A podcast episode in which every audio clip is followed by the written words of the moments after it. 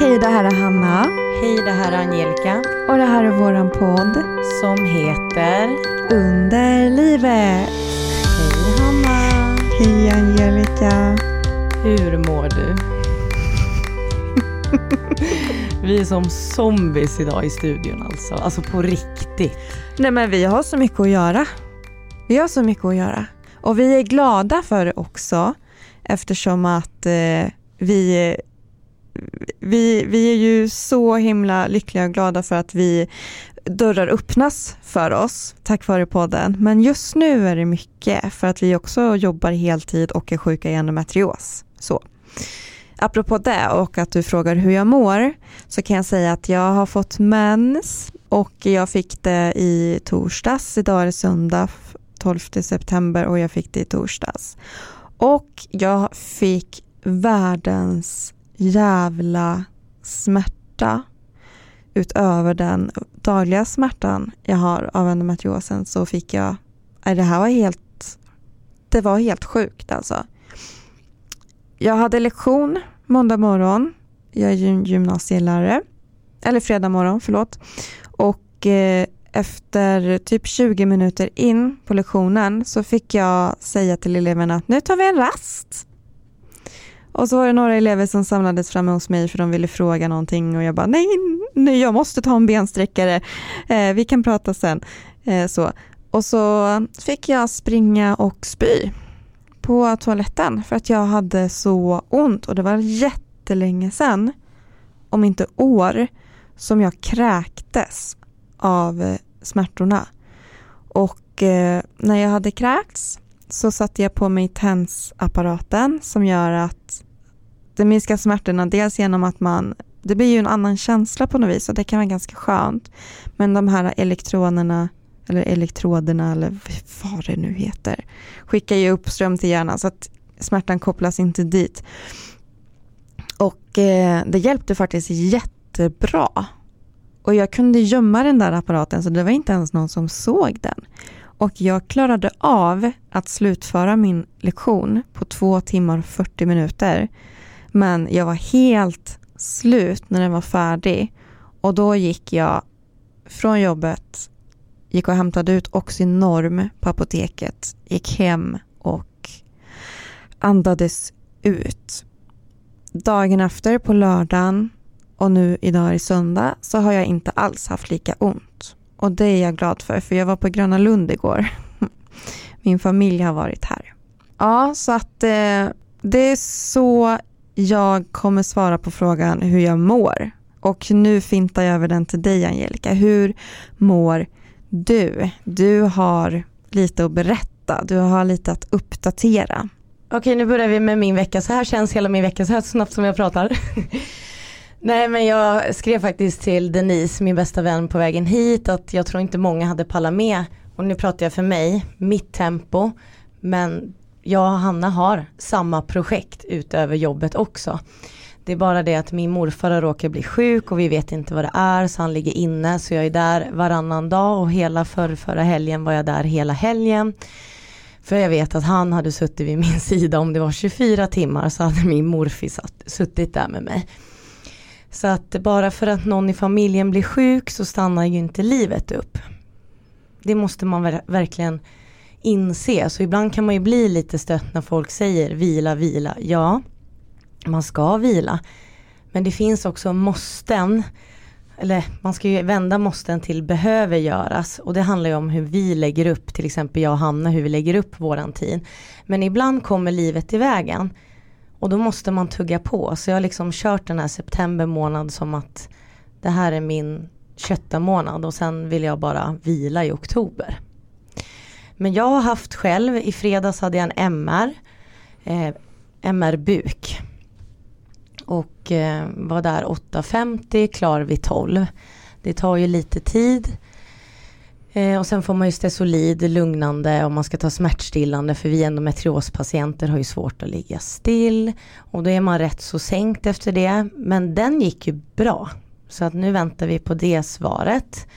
Eh. Kan du inte uppdatera lite, eller uppdatera, men eh, påminna de lyssnare som inte riktigt kommer ihåg varför du har gjort en sån här magnetkameraundersökning över din buk? Eh, ja, efter nyår så åkte jag in akut till Huddinge för jag hade en, vad säger man, suspekt. Kon konstig smärta under höger reben. Så jag har utrett den om det kan vara min endometrios som sprider sig. Så jag går ju på endometriosteamet nu och det är de som utreder om det kan ha spridit sig till buken. Och så är nästa MR på eh, onsdag. Då är det för levern. Så att det är det jag håller på att utreda. För endometrios behöver inte bara vara i underlivet. Och jag hoppas att jag får reda på vad det är. För att den dagen jag gjorde MR så skulle jag ju ta laxerande medel och fasta.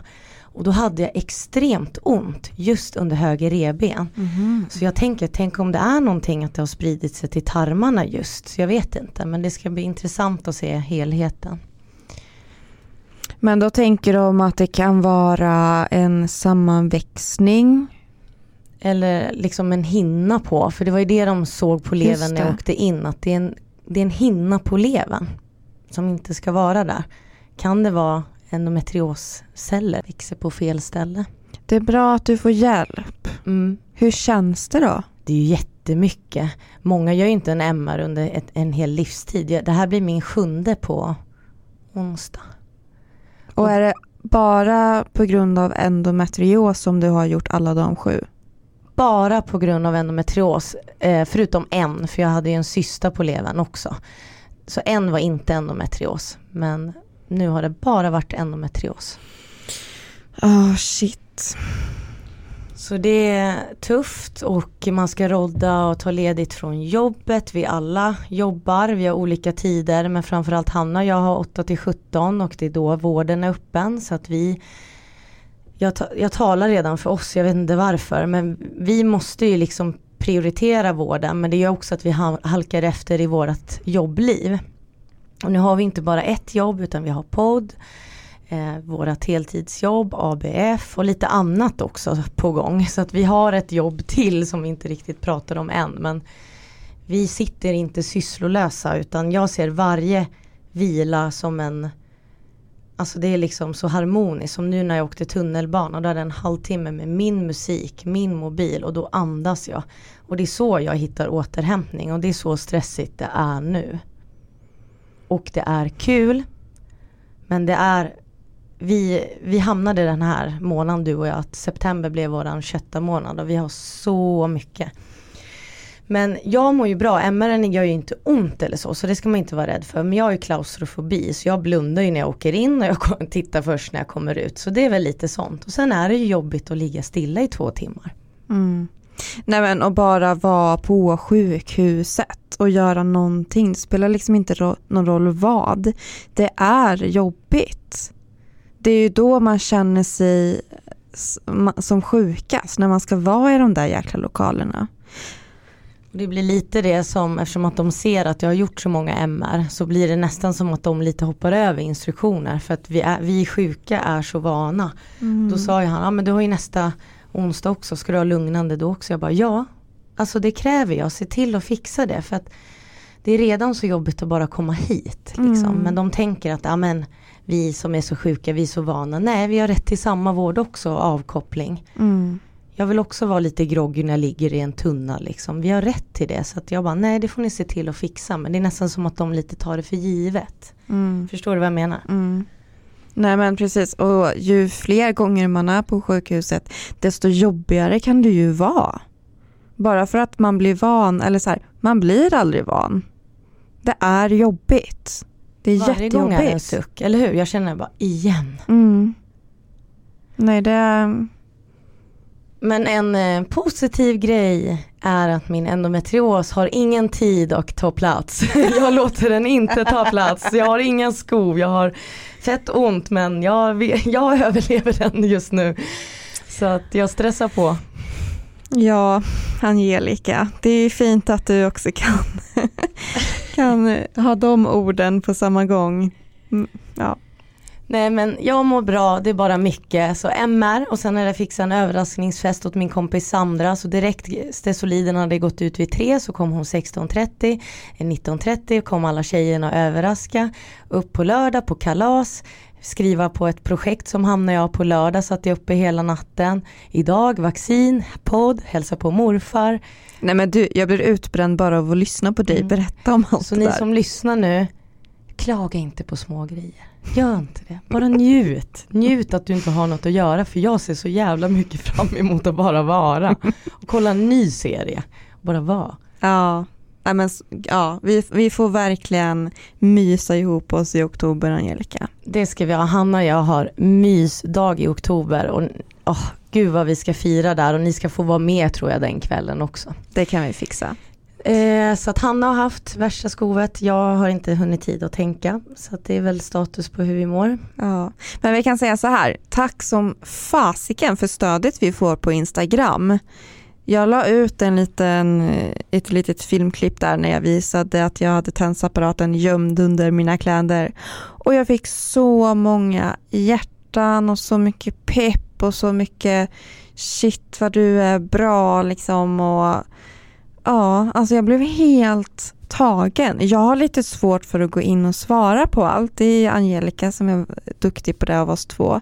Och det är för att jag blir så, alltså jag, jag blir så känslofylld. Alltså det är, det är så mycket att hantera för mig. Alltså det, blir, det är så fint att jag inte riktigt vet hur jag ska hantera det.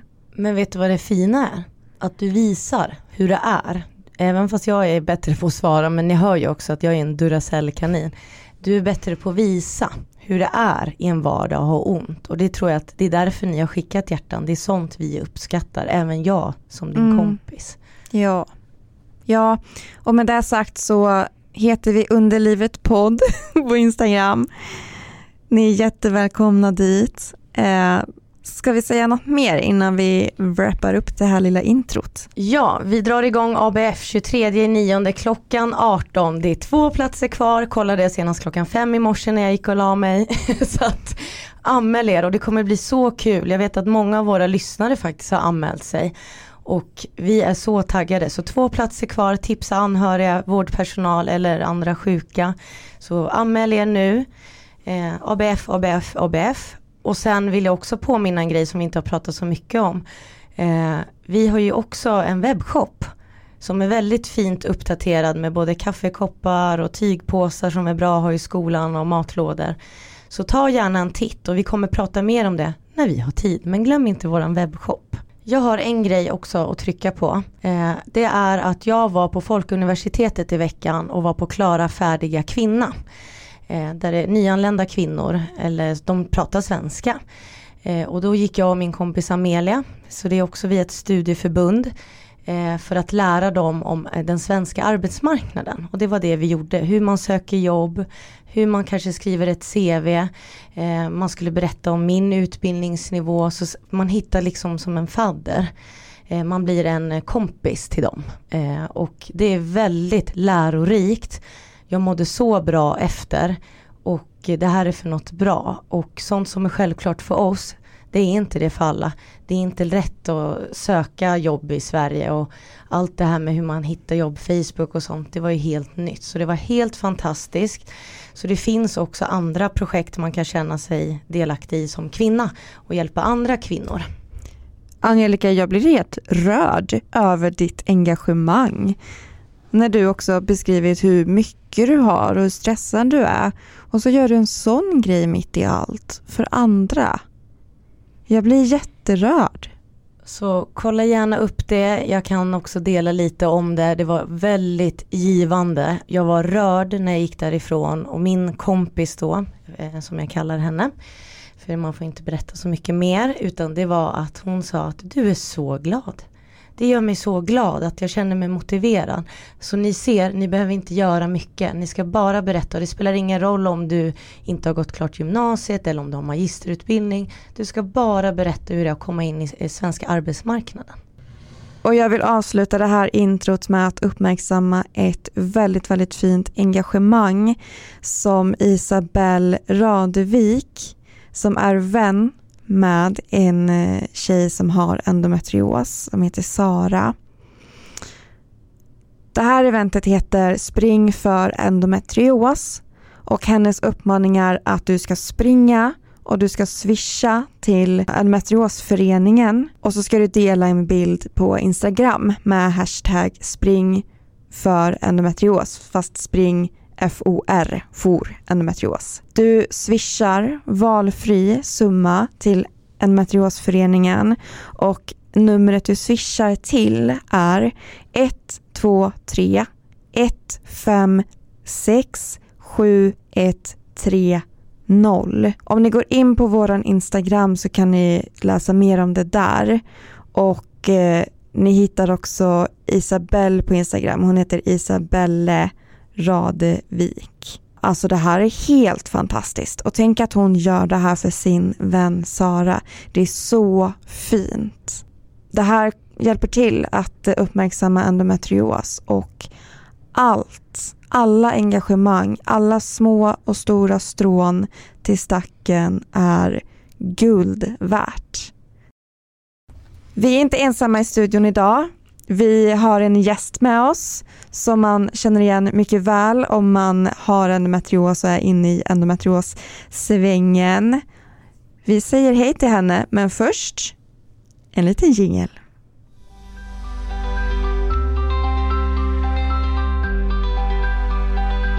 Och här har vi Hulda som är med oss idag. Välkommen! Tack snälla!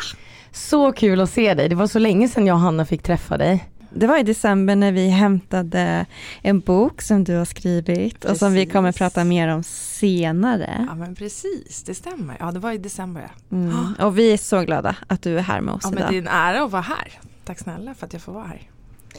Idag vill vi veta allt om dig men jag tänker berätta lite mer vem Hulda är innan vi går in på endometriosen. Ja, jag heter då Hulda Andersson. Jag är 45 år. Eh, jag har jobbat som stylist i, eh, ja, sedan jag var 21 år.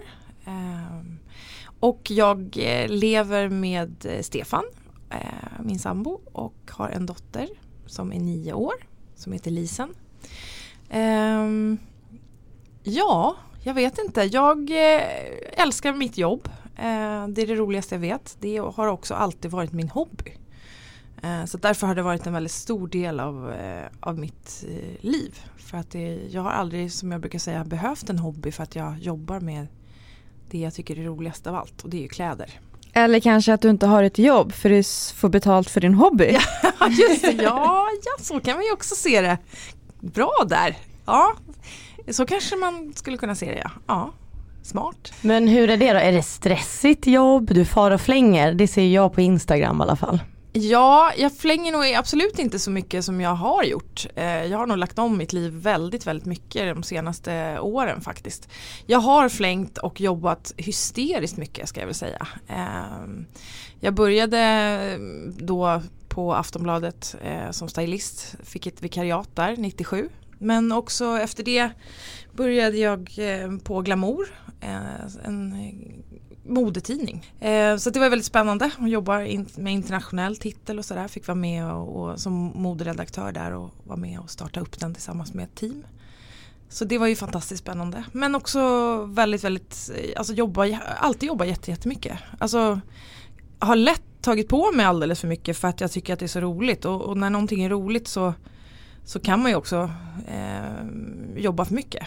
Så att jag har ju tidigare där eh, innan jag började på den här den senaste den tidningen eh, så hade jag också en, en utbrändhet faktiskt. Eh, som jag trodde var någonting fel med ryggen eh, då. Men eh, som jag gick till en ryggläkare och sen så var det bara att ja, din, alltså hela nacken och ryggen var ju som en betong i stort sett. Så att jag sa det, ja men jag kanske kan gå hem och vila idag då. Sen är det, kan jag mm. jobba imorgon. Här, och han tittade på mig och tänkte att ja hon har nog inte fattat. Och det hade jag ju verkligen inte. Mm. Utan han sjukskrev mig en vecka i taget. I, för att jag vägrade vara sjukskriven för att jag ville jobba. Och var sjukskriven väl i tre, fyra månader. På grund av stress av jobbet då? Alltså. Ja, eller liksom på grund av att jag hade jobbat för mycket och eh, tag, inte tagit hand om mig. Liksom inte sovit tillräckligt kanske och bara kört på. Men alltså jag tänkte ju inte på att ett jobb som man älskar skulle kunna vara ett problem. Eh, och det var ju inte problemet utan problemet var ju att jag inte riktigt kunde känna efter när jag jobbade för mycket. Så att där blev jag ju utbränd. Eh, men eh, kom tillbaka, började jobba liksom sådär 25% först och, och rullade på sen. Och sen så har jag ju liksom jobbat som vanligt efter det. Ehm, ja, och det har ju funkat bättre för att man då har lärt sig och fått sig en näsknäpp. Liksom. Att man kanske ska hantera det lite bättre. Även om jag har jobbat väldigt, väldigt mycket efter det också. Så har jag nog lärt mig lite i alla fall av den gången. Jag vet inte om du sa det, men är du från Stockholm? Eh, ja, just det. Det ska jag säga. Jag är från Stockholm, eller utanför Stockholm. Jag är född i Tyresö men eh, bor i Nacka. Att, och eh, du, har ju, du sitter ju här idag för att du har endometrios. Ja. Och jag tänker att det är också en sån grej som man kan bli utmattad av. Ja, precis. Eh, som du säkert också har lärt dig att ta hänsyn till under ditt liv och arbetsliv. Men jag är så himla nyfiken på liksom, hur började allting? Kan du inte ta det från eh, start, din endometriosresa? Till er som inte vet vad endometrios är, stoppa det här avsnittet, lyssna på avsnitt två och så kommer ni tillbaka hit sen. Bra. Eh, nej men jag skulle vilja säga så här att eh, den här endometriosresan visste jag ju inte var en endometriosresa förrän väldigt mycket senare i livet. Men det började ju när man fick mens. Eh, eller jag fick mens då vid 12-13 ungefär. Eh, kände väl att jaha, ska det vara så här jobbigt? Eh, blödde jättemycket. Eh, och hade väldigt ont. Eh, tyckte väl att det var, ja, men, åren gick ju där i början av skol, skolan och tyckte att det var väldigt, väldigt tungt med att eh, må så pass dåligt av det här och var så påverkad av det. Men framförallt också att eh, eh, jag planerade in eh, livet i stort sett runt menstruationerna. Och det är ju en supervarningssignal. Ja verkligen, verkligen varningssignal. Eh, nej men det här klassiska då under skolåren att man eh, eh, gympalärare som är hurtfriska och, och säger att det är bara att vara med när man sitter och tycker att man har liksom klarat av hela dagen eh, och har gymnastiklektionen den sista lektionen man har och så tänker man bara så här jag ska bara klara av det här. Jag gick i skola i stan då och åkte gick i Adolf Fredrik eh, musikskola och eh, åkte ju då till Tyresö efter det.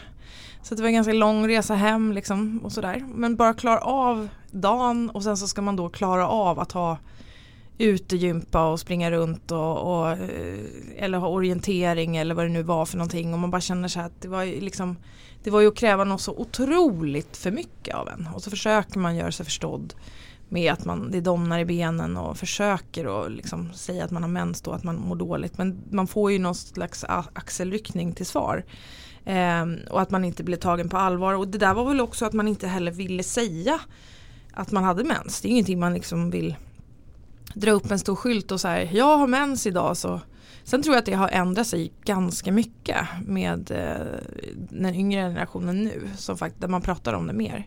Men då kändes det inte som att det var någonting man, man skyltade med speciellt eh, lätt, utan det vill man ju hålla verkligen för sig själv. Men kände du att du hade någon att prata med just i den åldern, någon kompis eller med föräldrarna då, eller höll du det för dig själv? Nej, alltså jag pratade ju med mina föräldrar, absolut. Det gjorde jag ju. Jag hade ju kompisar som man pratade med också. Men, men generellt kändes det inte riktigt som att man pratar så mycket om det där med mens eh, i skolålder. Inte sådär så jag kommer ihåg. För att, men det är klart att man bad alltid någon kompis så här, kolla om det hade blött igenom jeansen. Det var ju en sån här klassiker liksom. Alltså, har det, har det blött? Alltså att man hade kompisen fick liksom backa och kolla liksom bak.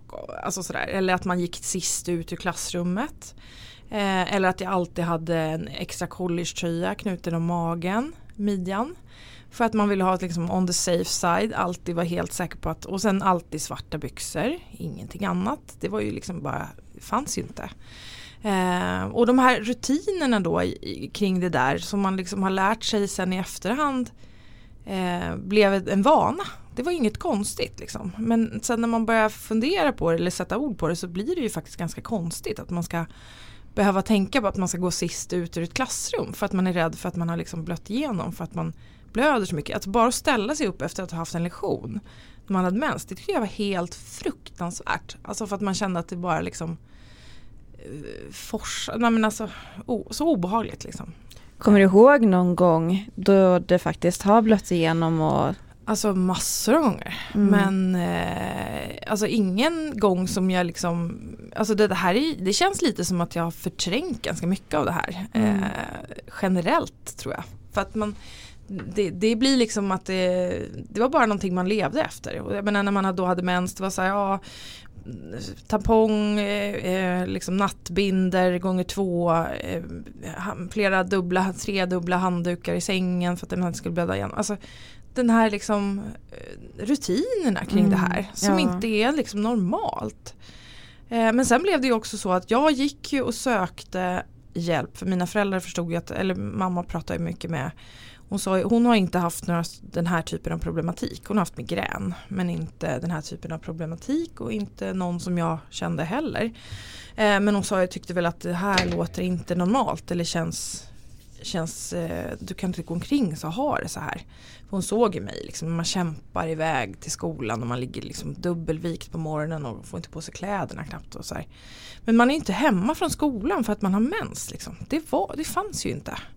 Och det där är ju helt vansinnigt egentligen för att jag menar, man mådde ju mycket sämre då än när man hade en, en, liksom ont i halsen eller hade eh, Nej men alltså jag har ju haft hur mycket halsfluss som helst men menar, det går inte att jämföra. Jag hade ju mycket, hade ju mycket hellre varit hemma så att säga när jag hade haft menstruationer som, hade varit, som har varit så himla jobbiga. Men det var man ju, det var man ju inte riktigt utan det var ju liksom inte accepterat att man skulle vara hemma eller accepterat men mer så här det är man ju inte. Mm, liksom. Och då kämpar man på. Och sen det här med att man kämpar på tror jag. Det är ju liksom om man ska ringa in det här på något vis så känns det som att det är någon slags regel mer än ett undantag för alla som har endometrios. Att man liksom biter ihop, klarar av livet och kämpar på och eh, liksom samlar ihop sig ungefär varje, varje gång man då har så här ont och bara försöker att genomlida eller klara av det. Liksom. Klara av dagen. Liksom. Och sen så blir det att man, man eh, då ja, men känner att ja, ja, snart, snart är det här över. Men jag blödde ju då i ungefär vanligtvis nästintill två veckor eh, varje menstruation. Eh, lite lite till och från liksom i styrka men det var ändå så att man var, man var där, där var det ju väldigt mycket eh, saker som man missade men också som man fick genomlida som var extra svåra. Alltså mm. idrottsdagar till exempel. Så här, ja, vi har en hel dag med orientering och man mår liksom fruktansvärt dåligt. Eller Nej men alla sådana saker som man liksom simma bara, med klassen. Ja liksom. men, det, och, men det var ju nästan enklare för då kan man å andra sidan, då kunde man ju säga liksom att då var det ju helt okej okay, faktiskt att vara in, inte vara med på något vis. Men jag menar de här idrottsdagarna eller, eller speciala grejer som man skulle göra med skolan eller eh, jag gick i musikskola så vi hade väldigt mycket konserter och sådana saker med, på kvällstid och det var ju liksom ibland eh, repetitioner, långa repetitioner och sådana saker. Alltså Lucia, Tåg i Globen och sådana grejer som är liksom men, tog väldigt mycket musten ur den liksom, på något mm. vis. Eh, det var ju väldigt kul å andra sidan men det, det var ju mycket att man, man planerade kring att klara av vissa saker och att man också visste att det här kommer jag missa. Jag kommer inte gå på det här kalaset eller den här, den här eh, festen eller eh, den här eh, konserten eller någonting som man ville göra med kompisar. Det är så här, nej här kommer det nog, in, här kommer nog behövas luckor för att jag helt enkelt har, har mens. Men hur mådde du på insidan? Jag, jag, skulle nog vilja säga att jag kanske inte hade så mycket oro eh, just då. Eh, alltså jag sökte ju hjälp för att jag kände att det kanske finns någon hjälp att få eller jag kanske skulle kunna se om det är någonting som är fel. Men jag körde nog väldigt mycket på bara. Jag tror att hela, mycket av mitt liv mitt eh, liv med endometrios när jag inte visste att det var endometrios har varit väldigt mycket så att man, man kör på. Man liksom eh, klarar av och, och liksom eh, kämpar på. Så. Mm. Det, det blir bättre imorgon. Så här. Det blir nog bättre imorgon. Att man försöker vara positiv. Man försöker att liksom Ja alltså kämpa fy på, fan liksom. vad bra man blir på att överleva saker. Ja men verkligen, verkligen. Oerhört man- bra. Mm, Alltså, att man hittar små knep och Ja, sådär för att stå ut. Ja, stå ut. För det handlar många gånger ibland att bara stå ut. Mm. Att man ska inte liksom, det, det är inte så jättemycket livskvalitet de där dagarna när man mår fruktansvärt dåligt och, och det känns som att man bara ska klara av. För då är det liksom bara göra det som är absolut mest nödvändigt och liksom bara se till att okej den här dagen är gjord, bra, check på det. Och sen är det imorgon och då hoppas jag att det kanske är lite bättre eller så är det ännu värre imorgon och då så är det kanske ännu bättre i övermorgon. Alltså det här med att man försöker bara att hantera. Men eh, det är klart att jag kände väl att det var någonting som, som eh, kunde vara fel men jag tror inte att jag ägnade så mycket oro åt det. Jag var så himla uppsnurrad i eh, skola, betyg, eh, jobb. Senare då så började jag jobba på andra tidningar efter, efter att jag jobbade eh, på den här eh, eh, på Glamour så började jag på Chic och sen så började jag liksom på Mamma och på eh, Året Runt. Alltså på flera olika tidningar. Och har jobbat alltid som då moderedaktör, modechef. Alltså haft väldigt många olika typer av, av positioner men alltid jobbat väldigt mycket. Men för att det är kul. För att jag har jag älskat det. Men också lagt väldigt mycket tid på det. Ehm, suttit sena sina kvällar och nätter och, och sådär. Men, men ja, det är klart att man har liksom, så att jag har ju lärt mig en del efteråt, senare nu, de senaste åren och tänkt att jag har nog kört på de här åren när jag körde på för hårt. Har nog också, det har jag nog fått betala eh, lite för nu, de senaste tiden. När jag då ja, har mått som jag har mått, liksom, för att man också har varit för trött. Och nu stoppar jag lite för jag vill ju veta när vi närmar oss diagnosen för nu har vi Precis. tagit liksom tonårstiden, Ja. vart är vi nu när det börjar hända grejer? Ja, alltså det, det som var, man ska säga förändringstillfället kan man säga. Det var att min mamma hörde ett radioprogram när jag var 31 år. Om, och då hörde, hörde hon ett radioprogram där en specialist då pratade om endometrios. Och då ringde hon mig och sa så här, ja Hulda, jag tror att det här är det du har. Tänk om det skulle kunna vara så att du har endometrios. Eh, vi måste försöka se om du kan få en tid hos den här läkaren eh, för att bli undersökt. Och så blev det. Eh, jag ringde den här läkaren eh, och pratade med sjuksköterskan och fick en tid. Eh, jag vet inte, jag lyckades få tid i alla fall efter några veckor. Gick dit och hon undersökte mig och var ganska eh, ja, men, ganska direkt så här att ja med all sannolikhet så är det endometrios du har. Och jag ser att du har eh, cystor som vi måste operera. Systor. Cystor. Mm. Ja. Var det liksom första gynundersökningen egentligen? jag eller? hade Du har- gjort massor. Ja men ingen hade hittat dem. Nej, precis. Och det är det som är det sjuka i det här. Att jag hade då tidigare varit och gjort massor av ultra, ultraljud. Där eh, gynekologen hade sagt, eh, nej men det ser bra ut. Eh, det såg bra ut hela tiden, varenda gång jag gick hos någon special. Det var någon specialist ultraljud och det var något, eh, någon, någon olika typer av gynekologer. Olika, eh, liksom, skick, jag skickades runt helt enkelt. Problemet med det var ju att personen i fråga då som undersökte mig och sa att det såg jättebra ut, det var inget fel alls. Eh, det stannade ju där. Eh, att de här personerna inte tar det här vidare gör mig alltså, vansinnig, Men särskilt där- efteråt. Ja, men så här, man mår ju inte bra. Nej. Det är sjukt, det är någonting som Ja. är fel. Okej, det är inte det här, ni ser inget när ni undersöker mig så. Men okej, hur går vi vidare för jag är på något sätt sjuk. Ja, precis. Jag fattar inte den där grejen Nej, och men det verkar som det att det är samma möjligt? problem nu. Att Ja. så, att man inte, och jag menar jag har ju satt mig i den där stolen mitt emot en läkare eller en gynekolog för att jag behöver hjälp. Och att då inte få någon hjälp eller att personen i fråga säger att det ser bra ut. Ja fast det spelar ingen roll hur det ser ut då för att det är ju någonting som är fel. För att jag har så här och så här och så här ont när man beskriver det. Men bara det att det var ingen som frågade om menstruationerna, det var ingen som pratade om, om det var, jag hörde inte ens ordet endometrios förrän min mamma har hört det på ett radioprogram. Eh, och då menar vi alltså att jag har, jag, jag har alltså gått och tagit kanske, ja, kan det vara i runda slängar 7 till 10 ultraljud i alla fall. Och har aldrig hört ordet endometrios, aldrig fått en fråga om en menstruationer, aldrig fått någon reflektion över att det skulle kunna vara det som är felet. Och framförallt inte att någon lyfter problemet och säger så här, okej, okay, det ser bra ut men det måste ju vara någonting som är fel. Hur går vi vidare nu?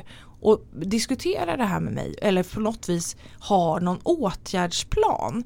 Men problemet är att jag tror att det, är, och det låter ju som att det är det som är problemet fortfarande. Att det är så oerhört många kvinnor och tjejer som liksom inte, som bara blir släppta där. Mm. Att det ser bra ut på ett ultraljud, ja men det behöver inte betyda att det inte är endometrios för det. Eller liksom någonting annat som är fel. Oavsett så behöver man ju ha någon som tar tag i det.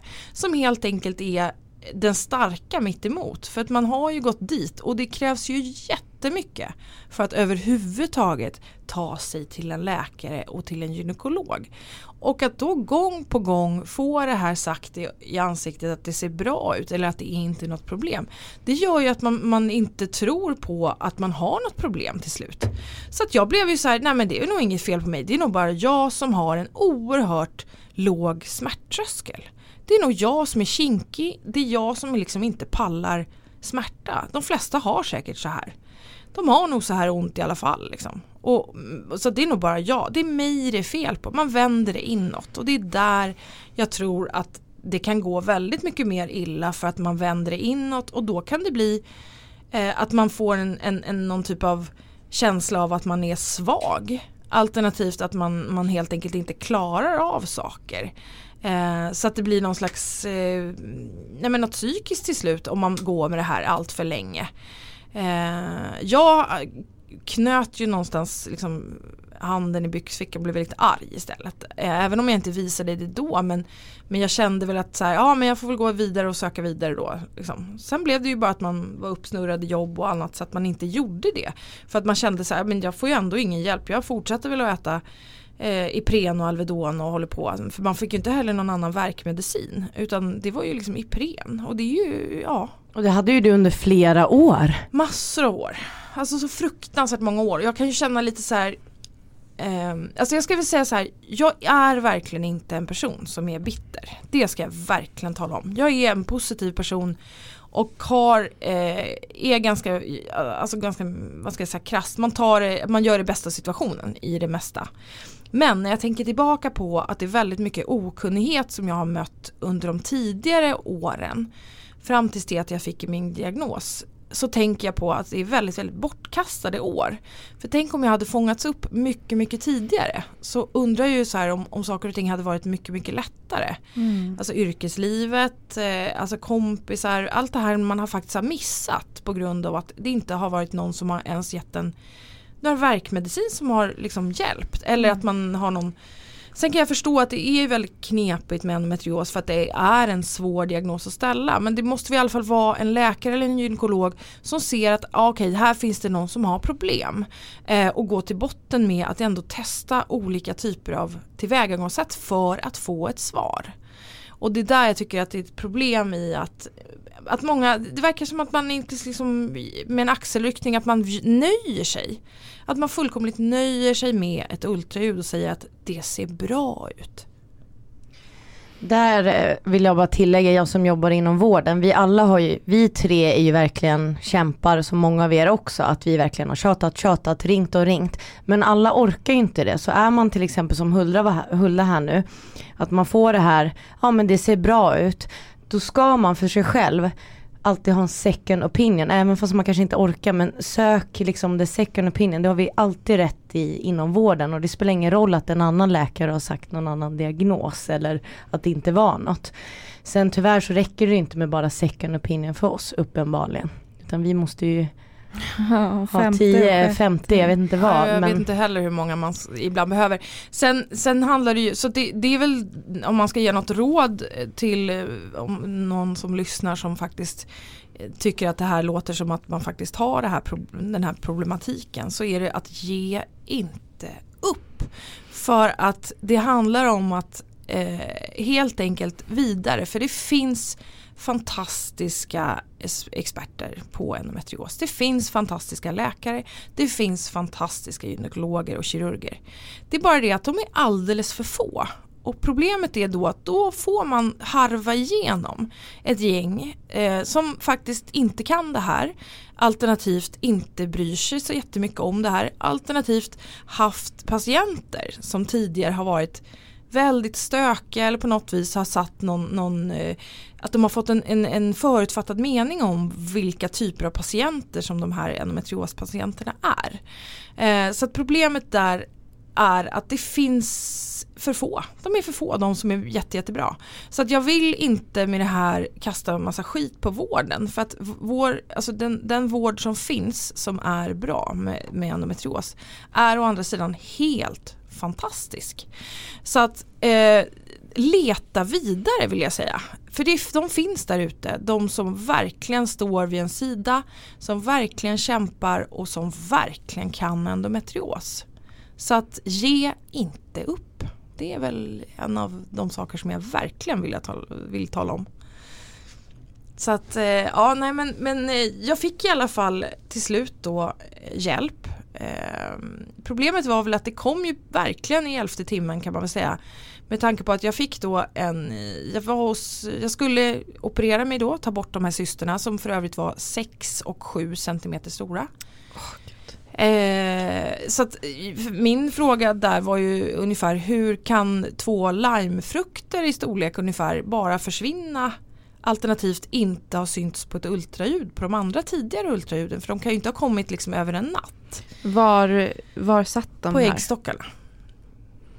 Så att eh, det gör ju också att man ifrågasätter de här jättebra ultraljuden som såg så jättebra ut. När Ja, det så låter ju som ut. att de borde vara ganska så synliga då. Ja men det borde, alltså, för, för mig, alltså i min värld så känns det som att de, man kan inte gömma sig, alltså det är ingen, det är ju en, det är ett område som inte är enormt.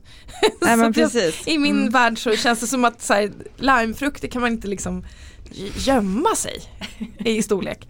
Men det, ja, det här, man kan ju skratta och skoja om det här men det är ju eh, som sagt var, eh, det måste man också. Det har jag lärt mig i den här, med den här sjukdomen att man måste också ha så här distans till saker Ja gud ja. Alltså man får liksom skratta det, åt det absurda. Det, är det man måste liksom, det är en överlevnadsstrategi mer eller mindre. Men eh, jag skulle i alla fall eh, eh, operera mig på måndagen. Eh, på fredagen så då är jag på jobbet, jobbar över lite grann, eh, kunde ju hända då att jag gjorde och det gjorde jag även den här fredagen. Och som tur var så var det en person kvar i receptionen. För jag jobbade då på en modetidning, eh, jag höll på att hänga i ordning eh, kläder till ett modejobb. Och jag eh, tar ner en stor låda med eh, skor från en hylla och känner att det liksom, jag får ett enormt hugg i magen. Som inte är liksom det här vanliga som man har känt förut utan det är verkligen så här okej nu är det, det här är allvarligare än annars. Eh, nu ska jag bara försöka ta mig hem snabbt. Eh, så att jag eh, hasar ut i den där korridoren, stänger och låser och tar min väska och jacka. Och eh, Abben hasar små små steg längs med väggen och håller i väggen. Och tar mig ut till receptionen. Eh, så tur var finns det en person kvar där. Som hjälper mig ut i, i, ut i hissen.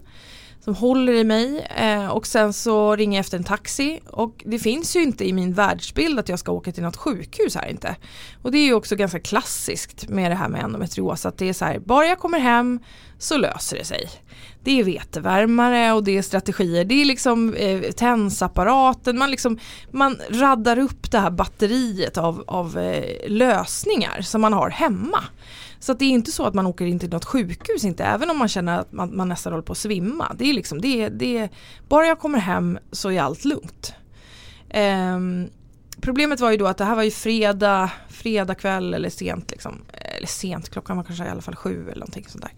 Så att jag sätter mig där på trottoarkanten, väntar på min taxi. Hon som hjälpte mig jättegulliga i receptionen hjälper mig och eh, taxin ser jag svänger in. Men kör! För att jag ser förmodligen ut som ett eh, fredags eh, after work fyllo liksom.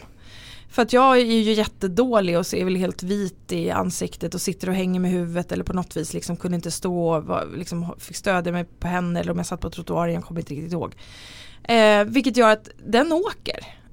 Och den paniken då när man känner att okej okay, men, jag, men jag måste bara hem och då börjar ju de här smärtorna börjar ju eh, brassa på ännu värre. Så att då känner jag att okej okay, det kanske är sjukhus ändå liksom. Det, kanske, det här känns inte som det känns inte bra. Det är någonting som är knas liksom.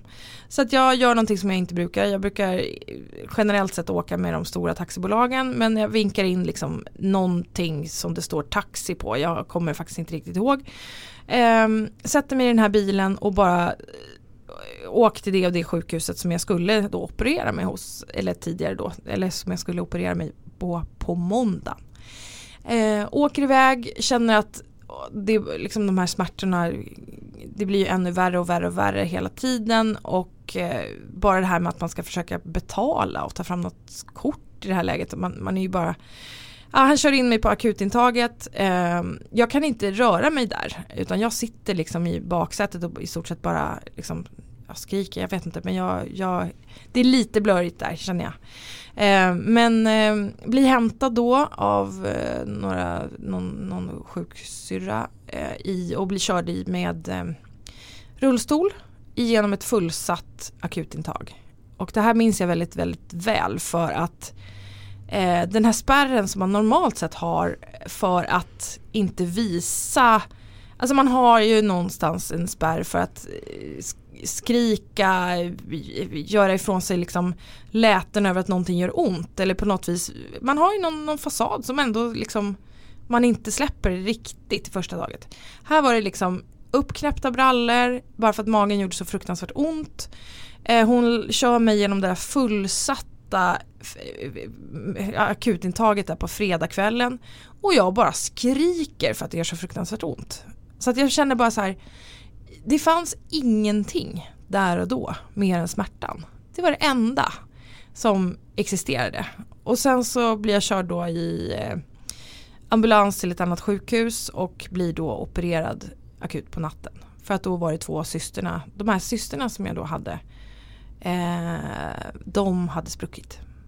Så att det var ju massa blod i buken och så. Så att det blev, var ju väldiga smärtor. Och bara den här gynundersökningen som man skulle försöka prestera. Oh. Upp i en gynstol i det läget när man inte, man kan inte stå, man kan inte liksom Och de gav ju mig morfinsprutor och allting och man försöker ju liksom så här bita ihop, kom igen nu, kom igen nu, måste klara av det här liksom. Men det var ju så fruktansvärt vidrigt, bara att och liksom bara att klättra upp, liksom, man tycker ju liksom att det, det, är ett steg upp i en gynstol. Men det, liksom, det var, kändes som att jag skulle bestiga liksom Mount Everest, att någon bad mig att göra det. Eh, det minns jag så väl, för det var så sjukt att man känner att jag klarar ingenting nu. Det, liksom, det bara söv mig. Alltså det var, det var ju den enda, man kände bara så här, jag vill inte vara vaken i det här tillståndet. Det är ungefär det jag också kommer ihåg, att man känner bara att jag vill inte vara med här. Så att kan ni bara kan ni bara lösa det här och söva mig? Jag Ursäkta men kan ni, kan ni bara liksom Låt mig här, inte ja, Alltså jag, det är bara lägg in mig, gör det ni ska Det, det ni är jättebra på så, så, men låt mig inte vara vaken. Låt mig slippa vara vaken för att ja, det här är för jobbigt. Liksom.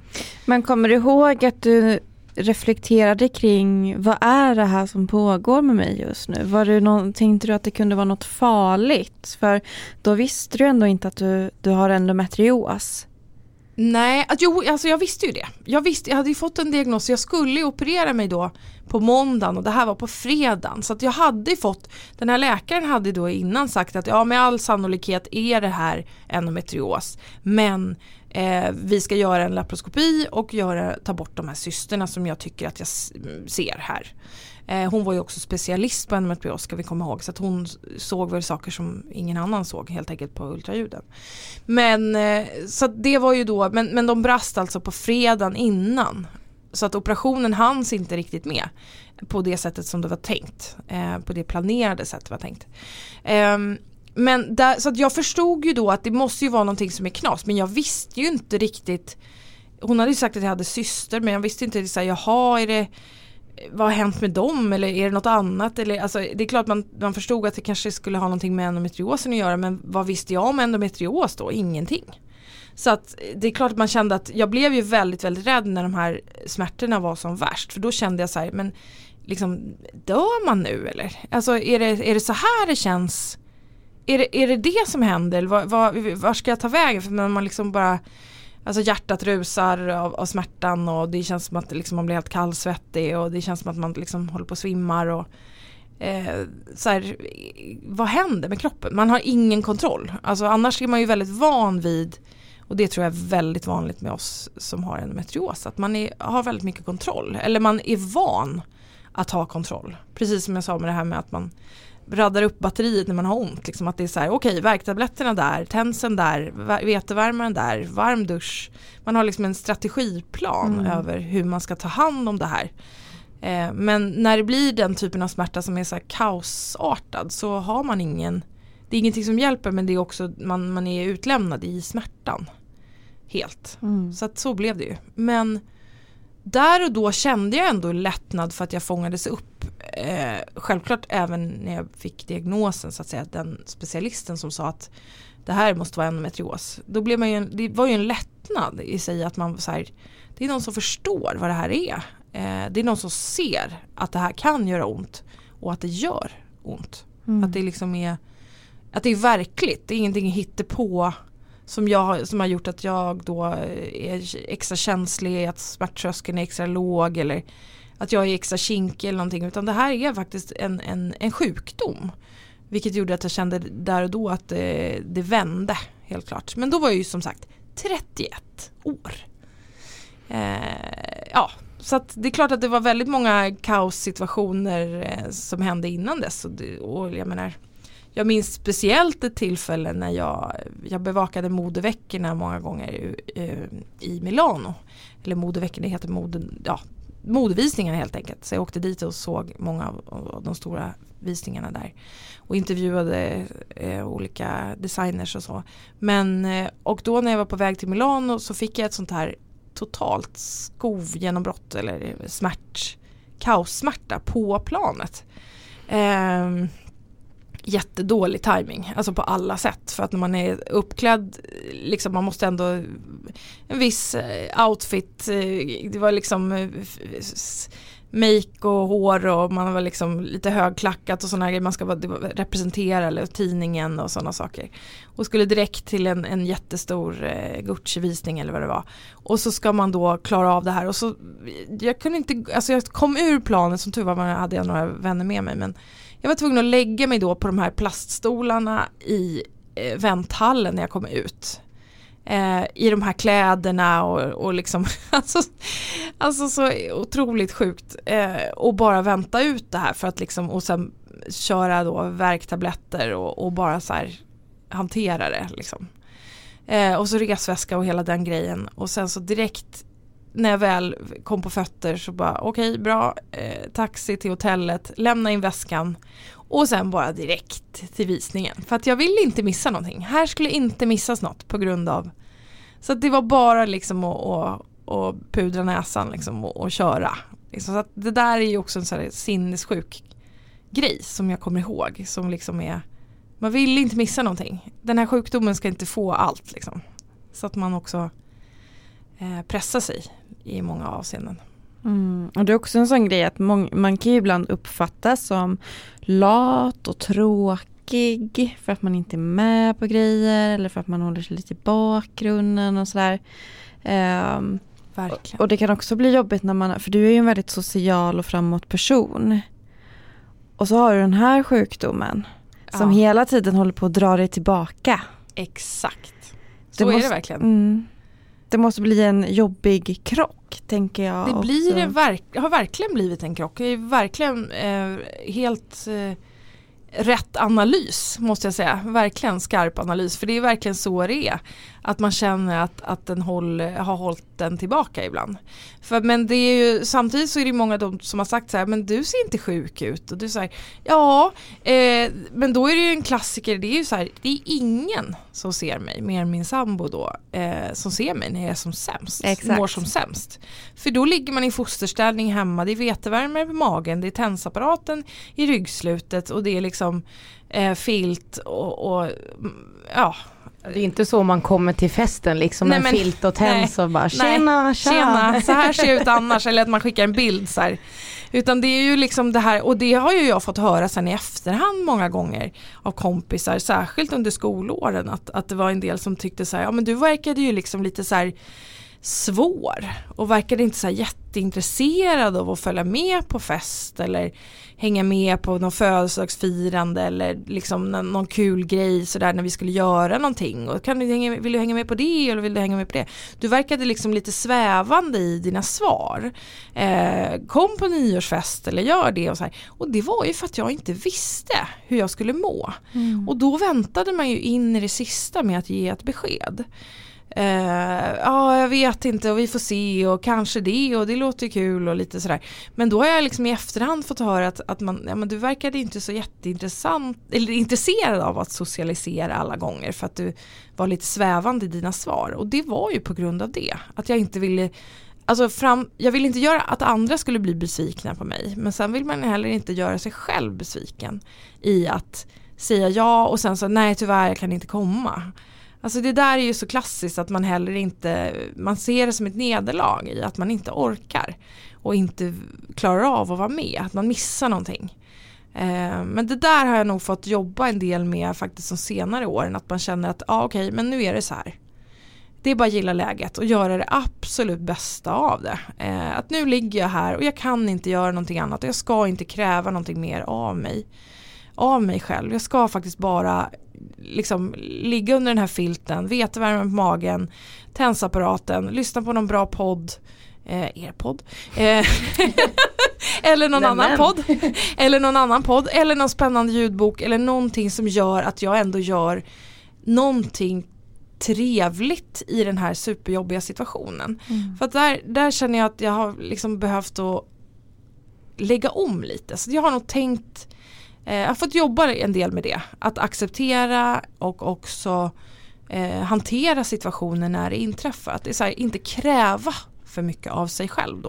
Och jag För det går du, inte. nej men du säger det så bra för att det är precis så här vi ska göra men det är så många som lägger sig där och straffar sig själva och man eh, skickar sms till kompisarna och man blir orolig. Åh gud, eh, hur var det på festen? Man vill ändå visa att man är med liksom Ja. bara för att man har så dåligt samvete. Så att Ja, då ska man göra som Hulda säger här, ta din dag liksom och göra det bästa det är av den. jättejobbigt att ställa in. Man har alltid skuld. ja. Skuld och dåligt samvete. Ja, så är det ju. Och så känner man själv att man är ledsen för att man missar saker. Ja. Ungefär som att livet pågår liksom runt en men att man själv inte alltid kan vara delaktig i det. Mm. Eh, ungefär som och särskilt när man då har inne i ett skov och har ont utan det känns ju lite som att min kropp har ju då vid vissa tillfällen bara kopplat ner. Att man blir liksom hjärntrött. Alltså, den klarar inte av och det känns lite som att folk, alla andra pratar i i, i, i liksom jättefort och en själv, att man själv uppfattar allting mycket mycket långsammare. Att ens liv går i slow motion. Och att det är lite som att leva i en så här under en glaskupa. Att man liksom känner att, att, man, upp, att man orkar typ inte ta in information eller, eller vad folk säger eller hänga med i diskussioner. Eller man orkar inte, så jag kan inte bara tänka mig det här med att hänga med eh, liksom och plugga och sitta i skolbänken och hela den grejen och klara av det. Det är ju fruktansvärt jobbigt på alla sätt för att liksom klara av det också. Så att där handlar det bara om att helt enkelt acceptera men också göra det, alltså göra det lite mysigt så mysigt det går. Låter ju otroligt banalt men liksom om det är liksom favoritteet i tekoppen eller en så här supergod latte med lite kanel på, vad vet jag. Eller liksom kolla fyra avsnitt av en favoritserie under, liksom, och, och ligga där med, med de här eh, tens och allt det där. Men liksom försök att liksom pyssla om sig själv lite för att det är så genomjävligt ibland ändå. Så att man måste liksom vara lite snäll mot sig själv. Det alltså, tror jag det faktiskt är jätteviktigt. Klokt. Jag blir jätterörd nu när vi pratar om det här. Jag blev lite blank i ögonen för att jag Det här som du säger Hulda, att livet pågår runt om en. Mm. Det är, jag kan känna igen mig så mycket i det. Mm. Och eh, det här med att man, man vill ju så gärna vara med hela tiden och man mår dåligt för att man missar saker och man blir ledsen för sin egen skull och sina vänners skull. Ehm, jag tycker att du säger det så himla himla bra. Och eh, min kurator som också är, hon är hon, jag kom i kontakt med henne genom endometriosteamet på Huddinge så att hon var ju specialiserad för endometriospatienter men hon gav ett väldigt bra tips till mig att jag skulle skriva en handlingsplan för de dagar då jag inte kunde vara med på saker eller så när jag behövde vara hemma. Och då var det lite så, okej, okay, ett, jag ska gå till affären om jag kan gå till affären, annars så får jag buda hem mat och så ska jag köpa det jag älskar att äta. Och så ska jag sätta på en film på Netflix och så liksom så, här. så skulle jag bara följa den här handlingsplanen från start till slut. Jättebra idé. Superbra tips. Och så fokuserar man bara på det. Men att ha, bra. bra att ha en handlingsplan, alltså skriv upp, skriv upp i, i, i liksom mobilen så på anteckningar och bara okej okay, det här ska jag göra när, jag, när, när det krisar och jag har jätteont. Mm. Så att man får någonting nästan att inte se fram emot men att göra det bästa av situationen. Mm. Och ibland så kan det ju vara att man är så pass dålig och har den, det, den turen och kanske har en vän eller sambo som kan hjälpa en. Då kan man ge den handlingsplanen till dem så att det här blir av också. Ja men mm. verkligen, verkligen. Mm. Ja, jätte, jättebra. Men en annan grej som också är så superbra det är ju din bok Hulda. Och eh, den har hjälpt mig jätte, jättemycket.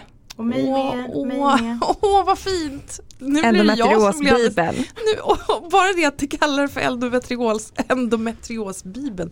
Alltså det är så fint, jag blir all, nu är det jag som blir alldeles eh, rörd i ögonen. liksom, det... det var det enda jag hade när jag blev sjuk. Då beställde jag din bok direkt. Och då sökte jag bara endometrios. Det var det enda jag hade innan jag hade vänner som förstod eller jag hittade endometriosen-kontot. Och jag har ju gett den boken till folk och sagt läs den här så kommer ni förstå. Gud. Och det är så skönt för oss att ha en sån bok, att faktiskt kunna be en anhörig läsa. Eller jag har ju också haft den inför läkarbesök, också är så himla pedagogiskt och tydligt och oh lätt att förstå för den som också är helt ny i endometrios. Den är så tillgänglig. Men gud, alltså jag sitter här med tårar i ögonen. Jag, alltså det här var ju liksom min eh vad ska jag säga, min dröm att, eh, att den skulle kunna hjälpa någon. Och då lägger jag alltså det här med att jag hade en, ett mål i att ja, men en person skulle läsa och höra av sig. Och det har ju liksom, jag har ju fått så otroligt mycket fina ord och sådana här eh, som du beskriver då. Alltså, så jag kan liksom inte, jag är fortfarande blir helt golvad och rörd över eh, varje person som säger att de har läst och och tycker att den har hjälpt. För att det var ju den, det målet jag hade.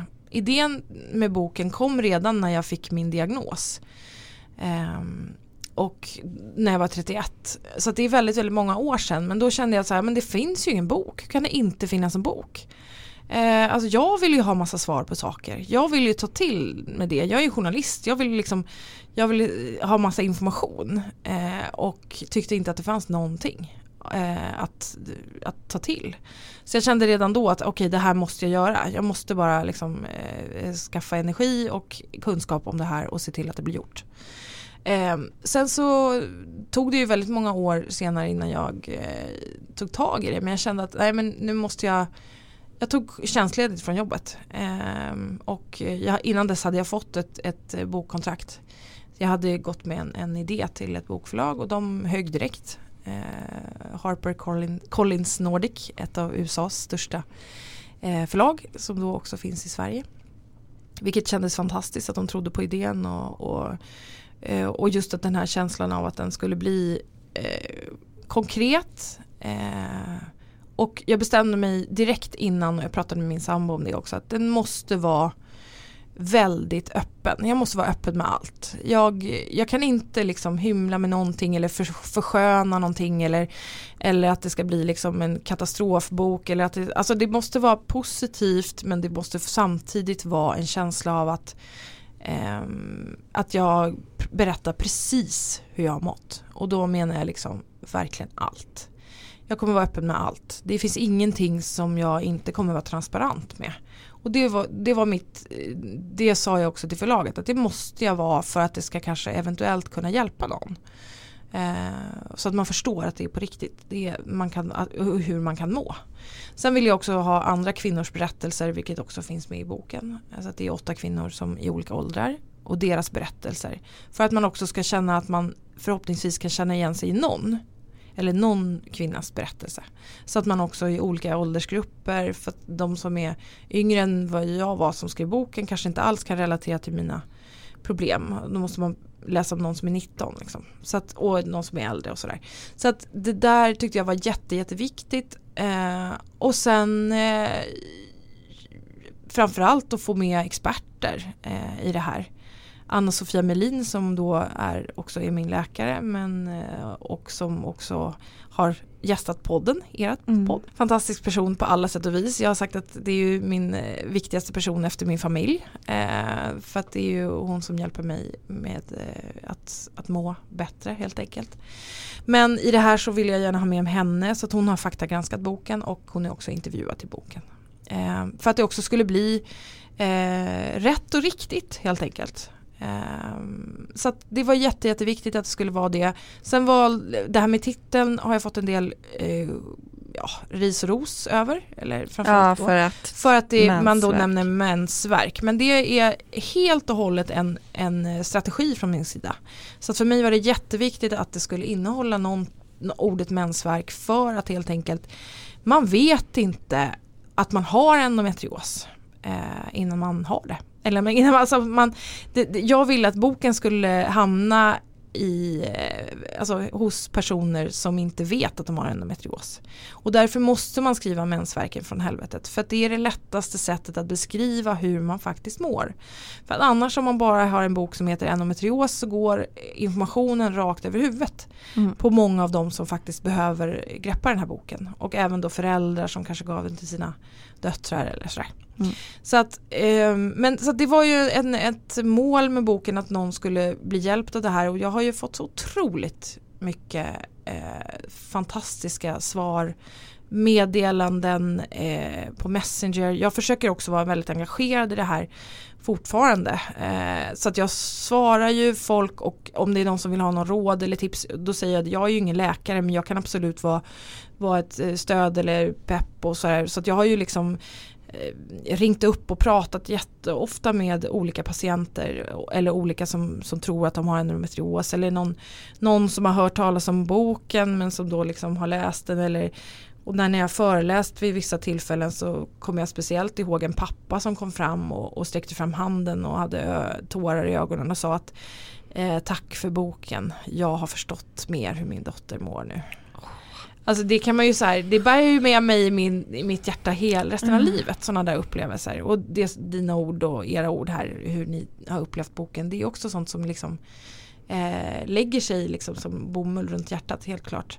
Eh, och, då kände, och då sa jag så här, nej men jag måste få ge dig en kram. Eh, för att det här är ju så stort liksom att du har läst den här boken och att det, det kanske kan hjälpa din dotter i det här. Så att jag, eh, jag är överlycklig för att den har fått eh, den läsekrets som jag hoppades på. Eh, sen har jag helt enkelt tagit över eh, böcker så att jag har, eh, säljer nu boken själv. Och du har ju skickat med ja! Två stora påsar här med böcker ja. som vi ska få se till så att de hamnar hos rätt personer. Jättebra. Någon som verkligen behöver jättebra, ett exemplar. Jättebra. Det är så fint av dig Hulda. Ja, nej men absolut. Och är man intresserad av att köpa en bok så kan man göra det via mig.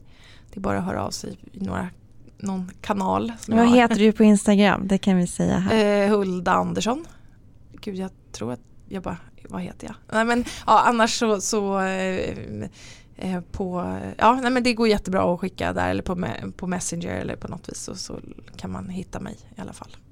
Så att eh, jag vill liksom gärna att den ska, ska hjälpa någon. Men framförallt så tycker jag att det är jätteviktigt att anhöriga läser den här boken. Mm. Den är faktiskt lika mycket till för anhöriga. För att många gånger så har det med att för att man ska få den Eh, Eh, för att man ska kunna må så bra det går i det här så handlar det om förståelse. Och det handlar om förståelse eh, alltså för, hos anhöriga. För att man ska förstå hur den här sjukdomen fungerar, hur man mår, vad man behöver hjälp med och för att kunna liksom få så mycket livskvalitet som möjligt i det här. Så att jag tycker att boken är faktiskt eh, tillägnad lika mycket de som lever nära någon eh, som har endometrios. Mm på arbetsplatser kanske eller sådär. Så att jag försöker liksom, jag har också varit på sjukhus och lämnat boken i väntrum och jag liksom placerar ut den lite där, det, där, det, där det kan tänkas göra nytta. En liten aktivist. ja, jag, jag, jag, säger nog, frågar nog om jag får lämna den så jag är nog inte så, så här, inte riktigt så, så eh, ja. Men Hulda, när skrev du boken? Eller när kom den ut? Den kom ut 2017 2017 om jag inte minns fel, i april. Och det har ju hänt lite hos dig sen 2017. Ja, precis. Det har ju det. Eh, jag kände väl eh, att det har ju, det har grott lite grann ett frö i mig i att eh, Ska jag må så här? Ska det livet se ut så här? Ska jag ha så här ont? Eh, även om jag då har gått på massa hormonbehandlingar och det ena med det andra så kom jag in i ett, ett för några år sedan ett ganska kraftigt verkskov. Eh, så att jag behövde liksom lägga om livet lite grann. Eh, och jag kände att jag blev bara sämre och sämre. På ett sätt som jag kände att nu, nu är det nog dags att det, jag behöver göra någonting ordentligt. Eh, så att idén till att faktiskt operera bort rubbet. Eh, har, har jag funnits några år men jag kände att eh, jag kom fram till, till, i samråd med min läkare då att det bör, nu är det dags att ta tag i det här och faktiskt göra. För jag kände att nej, nu har jag testat allt. Jag har testat det är sjukgymnastik, eh, eh, alltså olika medicineringar, verkmedicin, eh, yin-yoga, vilket är fantastiskt i alla möjliga sammanhang annars också, men, men, och akupunktur och det ena med det andra. Det hjälper, eh, men det hjälper och lindrar för stunden eller i korta perioder. Men jag behövde ha en action plan. Jag behövde ha någonting, ett rejält, en rejäl förändring. Jag kände att jag kan inte leva så här på sparlåga eller på liksom, liksom att man mår så pass eh, halvbra hel, liksom resten av livet. Hur ska det här Man ska bli? inte nöja sig med det. Nej, jag kände det och, och då har jag ändå kämpat på i flera år och testat massa olika saker och, och jag kände att nej men nu, nu är det nog dags. Det har blivit dags. Så att jag i december, 9 december så eh, gjorde jag en hysterektomi och tog bort eh, livmoder, äggstockar. Och då visade det sig också att jag hade myom i eh, livmodern, vilket är vanligt. Men jag hade ju, vilket jag också visste, eh, adenomyos som sitter i livmoderväggen. Mm. Eh, så att jag hade ju och då syster så, alltså, och sen extremt mycket sammanväxningar. Så att jag hade ju Alltså det hänger ju, ja vad jag förstår så var det väl i stort sett att det mesta hängde ihop. Oh. Satt ihop i sammanväxningar så att det var ju liksom ihop med tarm och äggstockar och livmoder satt ihop. Så att det är ju, var ju en, en omfattande ja, operation helt enkelt. Mm. Men eh, all kärlek på alla sätt till Danderyds sjukhus som gjorde operationen. Jag är liksom ni är mina för, eviga, för evigt mina hjältar. Eh, från sjuksyrrorna till kirurg till alla som eh, hjälpt mig att när jag nu mår bättre. För att det har blivit en väldigt stor förändring. Um, I det här så vet ju ni säkert också, ni vet ju det här med att man så här, ja hur mår du så här, man vågar nästan inte säga så här, jo men det är bra. För att man vet aldrig hur länge man mår bra. Alltså det här med att, att, att ha endometrios, det, det är ju det är en dagsform. Det handlar om ibland i, på, liksom i timform hur man faktiskt mår. Så ibland så kan man ju, vågar man inte riktigt ropa hej. Och det är ju lite klassiskt att när någon frågar mig, så här, men är du bättre? Och så här, ja, jo, men jag känner mig faktiskt väldigt mycket bättre. Men, men så här, vågar man tro på det här nu? Alltså, mm. Så att man vågar inte riktigt. Men det är väldigt annorlunda eh, smärtproblematik. Jag, eh, alltså det är ju väldigt mycket mindre smärta. Jag har väldigt mycket mindre smärta än vad jag haft förut. Eh, väldigt stor skillnad. Det är inte som ett, det här eh, totala liksom, eh, smärtcentrum över hela ens kropp som liksom i varenda led kändes som att det, det dämpade en. Det känner jag inte längre. Så det du har är egentligen smärtstillande nu bara eller? Jag har bara smärtstillande. Jag har, och, det, och då ska vi komma ihåg att tidigare så gick jag ju liksom på, så här, på Lexia och så. Men nu har det liksom klarat mig på, på lättare verkmedicin. Eh, sen ska jag bara säga det att jag har ju varit så fruktansvärt trött och är fortfarande väldigt, väldigt trött. Det är en, en trötthet som nästan inte går att beskriva. I, eh, och då tycker jag ändå att man har varit väldigt, väldigt trött med endometriosen. Eh, när jag beskrev det här med glaskupa och att man känner sig liksom. Men den trötthet som har kommit efter operationen har varit så här, eh, förlamande trött nästan. Alltså mm. på ett sätt som man nästan inte kan eh, beskriva för att man nästan inte orkar någonting. Alltså, mm. och då pratar vi om att man liksom ligger och sover tre, fyra timmar mitt på dagen. Eh, och ändå kan sova på kvällen. Som, alltså, och, och är ändå trött. Liksom. Att, man, att man, kroppen är liksom fullständigt slut. Eh, men som min läkare då beskriver, ja men den har ju fått kriga, eller, eller kriga, men det är jag som brukar säga att den har fått kriga ganska många år då med, med den här sjukdomen. Men att eh, det handlar om att den är så pass slut mm. av all verk som har fått hantera. Så att den tar igen sig lite nu när den väl kanske kan. Sen mm. har jag ju ledverk fortfarande eh, och jag har ju en viss typ av verk absolut. Det är inte så att jag är smärtfri eller att jag är helt känner mig helt frisk ja. men det är Nej, bara precis. det är en enorm skillnad. Mm. Vilket jag verkligen är så oerhört tacksam för. Eh, men som sagt man är ju bara glad en dag i taget för man vågar nästan inte liksom. Nej. Men Nej. jag gick också in i det här och det skulle jag vilja säga även om det, det låter som att det är så här, eh, jag, jag vill ju verkligen kan man rekommendera någon att ta operationen? Det kan man väl inte göra, det är klart jag inte kan det. Men, men eh, för mig har det varit en, en fantastisk upplevelse att känna att eh, det som var dåligt är borta ur kroppen. Precis så känns det. Jag tror att det går att jämföra med någon som kanske haft en tumör. Eller någonting liknande. Att det är liksom, nu är skiten borta. Mm. Men jag tänker lite det du nämnde om boken där, att jag la in flera historier och det är väl det vi måste också tänka på att alla har ju olika i sin endometrios och alla kanske inte ens kommer göra Ej, en sån här operation. Inte. Så att man verkligen tar till sig det. Det är så himla olika hur vi mår. Det är väldigt individuellt och jag kände väl att sen handlar det ju också om att jag har, har vi har en dotter. Vi har ju lyckats, lyckades bli gravida med IVF och sådär. Och jag kände väl att nu när man då har blivit liksom 44, 45 som jag är så kände jag att nej men du nu är det liksom, eh, nu är det dags. Ehm, men som sagt var det är ju väldigt många som inte alls kommer till det, det beslutet eller så. Men, men, eh, men jag kände ändå att det har blivit en, en större livskvalitet efter det här. Men jag gick in i det här så att säga operationsvalet jag gjorde. Att bara jag blir lite bättre så är det värt det. Och det tror jag är väldigt viktigt att man har den om man kommer fram till att man vill göra den, den här typen väl, alltså stora operationer, då pratar vi verkligen, man hamnar ju chockartat i klimakteriet på en gång. Så att det ska man komma ihåg, det är ju inte så att det är någon eh, lätt operation eller någonting man ska ta lätt på. Utan det här är ju, det här är ju någonting man gör, det här är ju sista sista, eh, vad ska man säga, det sista man, utvägen så att säga man kan göra med den här sjukdomen. Annars finns det ju väldigt mycket man kan testa innan dess. Men bar, jag gick in med, med eh, ambitionen eller idén eller förhoppningen ska man väl säga med att jag hoppades att jag skulle bli lite bättre för då skulle allt vara värt det.